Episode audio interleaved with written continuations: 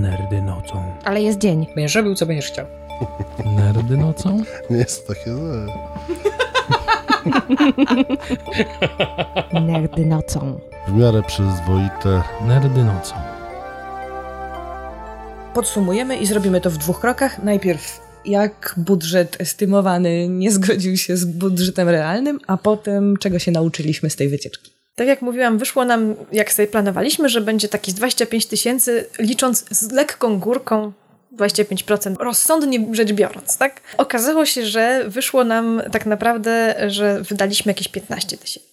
Łącznie z wizami. Bo za, za, wizy nam wyszło trochę drożej niż planowaliśmy, ale za to za życie tam i za benzynę e, okazało się, że dużo, dużo mniej. Przeszacowaliście, bo liczyliście tak. 4 zł za litr, Tak, a tak. zdarzało się i 80 groszy. Dokładnie. Było tak, że średnia e, cena benzyny na cały wyjazd nam wyszło około 3 zł za litr. Robiliście statystyki w czasie tak, jazdy. Tak, znaczy nie, no robiliśmy jakieś tam podsumowanie, tak? Ile żeśmy przejechali mniej więcej, ile żeśmy zapłacili i gdzieś tam to sobie notowaliśmy. No i wyszło, że średnio 3 zł za, za benzynę, a myśmy zakładali około 4. Taniej wychodziły też noclegi, bo średnia cena noclegu takiego w miarę sensownego to było od 10 dolarów do 10-12 euro. Tak? Maksymalnie co płaciliśmy najdroższe to było w Turkmenistanie, bo tam niestety trzeba nocować w hotelach przeznaczonych dla turystów zagranicznych, a one były nietanie ale wszędzie indziej dało się spokojnie wynegocjować ceny w okolicach 10, 12, maks 15 dolarów za osobę, a myśmy zakładali bardziej bliżej 20 za osobę te, te, te, te budżety. Jedzenie? Jedzenie jest w ogóle śmiesznie tanie, to naprawdę jest dużo niższy koszt niż u nas. No i stąd właśnie wyszło, że, że ta kasa nam się, że tak powiem, no trochę nam zostało, tak? No niektórzy mieli trochę więcej pecha, na przykład Janusz musiał kupić nowy kask mm i to, to mu, mu trochę zjadło tej nadwyżki i parę mandatów zapłacić dodatkowo. Zresztą tak, mandaty też nam się zdarzały. Dwa razy żeśmy zapłacili mandat. Jeden w Kirgistanie, a jeden w Armenii. A i w ogóle w Armenii, tak. Za w ogóle ostrzegam przed Armenią. To jest część też tego, czego się nauczyliśmy. Znaczy za co? No za, za przekroczenie prędkości, no nie oszukujmy się. Przy czym w Kirgistanie to było tak, że było ograniczenie do 50, myśmy jechali chyba 69. Znaczy pierwszy motocykl, reszta to trochę wolniej. A w Armenii to było tak, że rzeczywiście była strefa 50, a ja jechałam troszkę szybciej, bo było z górki. Mm-hmm. No i panowie tam trochę się przyczepili, powyżej 70 tam było. Oh. No bo to były góry, więc też żeśmy nie szaleli jakoś bardzo. Ale problem polega na tym, że w Armenii drogówka jest wszędzie. Wszyscy mają wideorejestratory i nawet jak o jeden kilometr przekroczysz, to natychmiast y, cię zatrzymują. Oczywiście oni chcą łapówkę, to nie jest tak, że oni są służbiści i mandat ci wystawią. Nie. I wszyscy mają ten sam sposób działania, bo mieliśmy okazję zaobserwować. Zabierają prawo jazdy i mówią, że nie oddadzą ci, dopóki nie zapłacisz i to wymieniają kwotę. Można się targować? Tak, targowali. Znaczy w jednym momencie w, Armenii to w ogóle nas e, złapali tuż po przekroczeniu granicy i tak naprawdę oskubali nas z wszystkiego, co na tej granicy żeśmy sobie wymienili, bo wymieniliśmy sobie na granicy dolary na lokalną walutę. Oni nam powiedzieli jakąś kwotę oczywiście absurdalną, a myśmy powiedzieli, no sorry, ale mamy tyle, nie? I po prostu wyjęliśmy z kieszeni tyle, ile mamy. Jakby się wyjęli połowę, też by wzięli połowę. Pewnie tak. No. Ale nie, tak się nie myśli, no przecież łapiecie. Kurczę, lokalna służba. Na szczęście mieliśmy mało tej kasy, bo wjeżdżaliśmy do Armenii na dwa dni i mieliśmy i tak płacić za hotel kartą, więc wzięliśmy tylko na takie drobne wydatki typu jakieś jedzenie. To już było po obiedzie, więc, więc nie całą nam wyjęli, tylko tą, co została po obiedzie. Nie była to jakaś bardzo wielka suma, no. ale jednak no tam powiedzmy, że, że 120 zł od osoby nas Mhm. skubnęli wtedy, a podobną kwotę też w Kirgistanie wynegocjowali od nas panowie. I no oni są po prostu, no są, tak? Tylko, że właśnie zabawa polega na tym, że w Armenii to zatrzymali nas potem jeszcze drugi raz i tam przekraczaliśmy o jeden kilometr według tego, co było na ich wskazaniach. A ja specjalnie się bardzo pilnowałam. Mhm. Nauczona już doświadczenia. Dokładnie, bo to było jakieś pół godziny po poprzednim, tak? Jak oni mnie zatrzymali, pokazują mi, że jest do 60, a oni mają 61, to po prostu najpierw zaczęłam się śmiać histerycznie, a potem powiedziałam nie, nie zapłacę. I użyłam paru niecenzuralnych słów po polsku. Na co oni stwierdzili, ale jak to nie, no musisz zapłacić. Ja powiedziałam, tak nie mam pieniędzy, no bo mnie poprzednio Mhm. właśnie oskubali pół godziny temu. I w końcu po długiej rozmowie, w której ja bardzo dużo klełam oraz e, na, na przemian chichotałam nerwowo, po prostu powiedzieli, no dobra, to już jedźcie, bo ewidentnie po prostu stwierdzili, że chyba się nie da z nas nic wydobyć, naprawdę. Jak nic nie macie, to naprawdę. Ale poczuliśmy się trochę, bo potem jeszcze jechaliśmy i naprawdę tych patroli było jeszcze kilka po drodze i poczuliśmy się trochę jak, jak w takim morzu pełnym rekinów, które tak krążą. I czekają na jeden fałszywy ruch. Tak. Tak, armeńscy policjanci, pozdrawiam. Czego się nauczyliśmy? Nauczyliśmy się tego, że jak człowiek jest zmęczony, to ma bardzo niski próg y, irytacji i się krzyczy na ludzi, i się robi dziwne rzeczy, i się obraża, i się strzela fochy. I można tego nie brać do siebie, bo to minie, jak człowiek coś zje i się prześpi. Tak, dokładnie. Albo jak wypije piwo i, i przemyśli to, co się przez chwilę zdarzyło. E, nauczyliśmy się komunikacji na błędach. Na pewno warto się upewnić, że ten, do kogo mówisz, usłyszał i zrozumiał. Niech powtórzy własnymi słowami, a wszystko będzie jasne. Tak, bo parę razy nam się zdarzyło rozdzielić albo na przykład właśnie mieć jakiś tam konflikt w kwestii, gdzie się zatrzymujemy na obiad albo gdzieś jest nocleg, bo ktoś czegoś nie usłyszał i potem było to foch właśnie.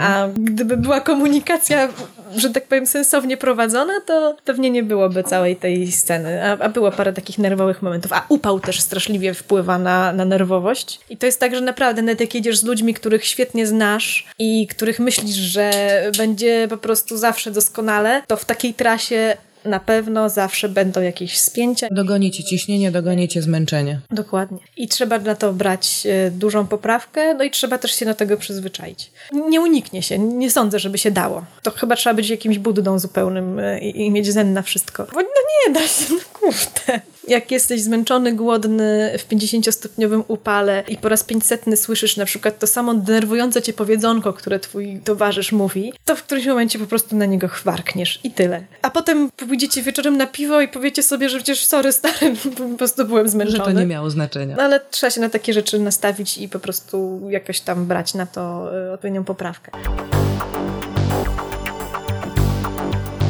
Co jeszcze? Pakowanie. Bardzo ważna rzecz. Nie pakować rzeczy, których nie potrzebujemy, ale to się niestety czasami okazuje w drodze i wtedy się to wyrzuca. Czyli z bielizny i z ubrań dwie Tak, rzeczy. Tak, bielizna, ubrania, dwie rzeczy, niekoniecznie maszynkę. Rzeczy można kupić na miejscu tanio. Rzeczy można kupić tanio, y, kosmetyki najfajniej brać w małych buteleczkach i po prostu pojedyncze buteleczki małe wywalać, a nie jedną wielką butlę, bo też tam można wszystko kupić. Ja sobie spokojnie kupowałam kosmetyki. Wszystko można uzupełnić, chyba w każdym kraju jest apteka albo Nawet, sklepik. Nawet y, w tych takich niby najbardziej dziwnych y, typu, typu Kirgistan czy Tadżykistan też normalne sklepy były i normalnie dało się w tych sklepach kupić rzeczy, a na, jak, jak nie w sklepach, to na bazarach i na bazarach mają wszystko. Jeszcze do tego jest tanio. Więc naprawdę nie ma się co stresować i brać wszystkiego, wszystkiego. Z takich rzeczy, które trzeba brać z Polski, no to pigułki antykoncepcyjne, leki, które się potrzebuje do jak, jakąś swoją specjalną chorobę. Ja jeszcze brałam szkła kontaktowe, bo, bo jeżdżę w szkłach kontaktowych zapas soczewek na trzy tam miesiące. bym miała problem, tak, żeby je kupić, ale reszta spokojnie, wszystko jest do kupienia tam. Pieniądze. Pieniądze w gotówce? Sprawdzić, gdzie są bankomaty. Tak. Są kraje, w których nie ma bankomatów, ale zwykle relacje podróżnicze o tym mówią jasno i wyraźnie. Zrobić po prostu sensowny research w internecie i sprawdzić co gdzie. Co też jest ważne, też nie wszyscy mówią. W tych krajach słabo jest z obsługą karty Mastercard. Lepiej mieć wizę. Lepiej mieć wizę. Wizę raczej wszędzie, we wszystkich bankomatach zadziała. Mastercard działa w co czwartym bankomacie. I Dobrze czasami w wiedzieć. hotelach go nie przyjmują też, więc, więc wizę raczej i jako kartę rezerwową, bo warto mieć dwie karty, jedną mieć właśnie schowaną gdzieś e, w poszyciu motocykla. Miejscu, najlepiej w poszyciu motocykla z e, pakietem bezpieczeństwa, czyli kserem wszystkich dokumentów i jakimś podstawowym zasobem gotówki w dolarach, to warto mieć kartę zapasową, wizę też, bo mówię, Mastercard bywa, Nie nie, nie działa i już. Z kasy to tak, dolary warto mieć, euro nie jest poważane, dolary za to wszędzie się wymieni. To, co nam się też zdarzyło, że warto, żeby to były w miarę nowe banknoty, bo jak są stare i sterane, to na przykład czasami nie chcą przyjąć. Starać się raczej o nowe banknoty dolarowe, jak się wymienia gdzieś tam przed wyjazdem. Generalnie ludzie pomogą zawsze. Wszystko się da naprawić, jak się odpowiednio zakręci.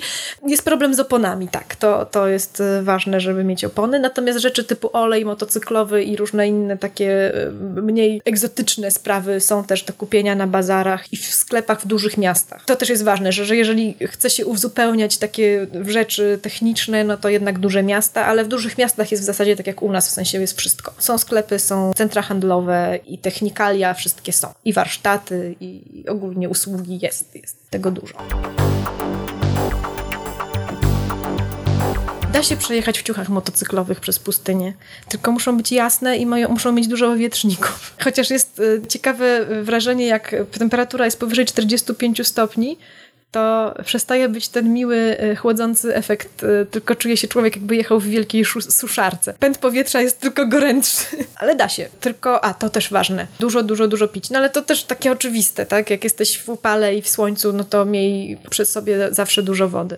Mieliście jakiś proszek do prania, żeby się przeprać, czy jak? Tak, tak. Mieliśmy takie małe, wiesz, torebki z proszkiem do prania, które też można kupić w każdym Rossmanie, czy gdzieś tam. Miska? E, mieliśmy taką turystyczną miskę, użyliśmy ją raz. Mhm raz jeden, jak nocowaliśmy na stepie w takiej małej przydrożnej knajpeczce, gdzie nie było łazienki, a ponieważ cały dzień spędziliśmy w kurzu, to chcieliśmy się opłukać, więc z kraniku, który tam e, był e, przy ścianie, zrobiliśmy sobie prysznic pod tytułem miska pełna wody na głowę. Tak jest. Ale zdarzyło mi się też brać prysznic e, w butelce wody, w sensie wziąłam butelkę wody, polałam się nią, namydliłam się, spłukałam się resztą wody z butelki i, i to też działa, jak jest 30 parę stopni i wieczorem się ochłodzi do 20 paru, to to jest doskonała rzecz, żeby wziąć prysznic. Oczywiście nie mówię, że codziennie, ale tak jak się 2-3 dni spędzę na biwaku, to tak, a potem braliśmy zwykle jakiś hotel. Tym bardziej, że tam mówię 10 dolarów od osoby i jest spoko nocleg. A jeszcze co, tak, żeby się nastawić. A propos jeszcze pakowania i walki tak naprawdę z rzeczywistością.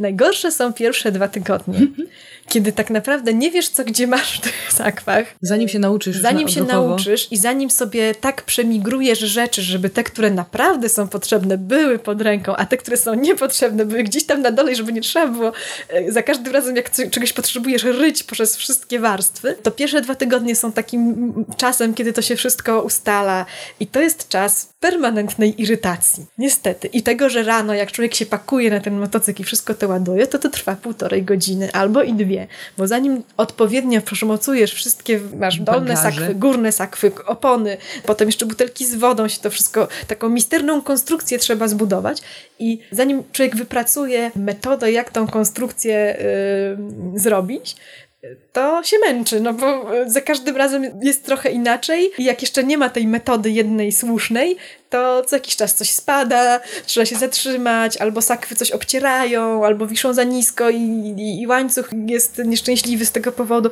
No dużo, dużo takich pierdół. Tak. Potem po tych pierwszych dwóch tygodniach wypracowujesz sobie taki system i nagle to wszystko zaczyna dobrze być ułożone, nic nie spada, nic się nie obsuwa, wiesz gdzie co masz i pakujesz się poniżej godziny. Bo to nie jest tak, że da się zejść do 10 minut. Nie, nie. Pół godziny minimum e, na pakowanie, nawet jak już masz obcykany cały system. Warto wiedzieć, jak się planuje to wszystko tak. w czasie.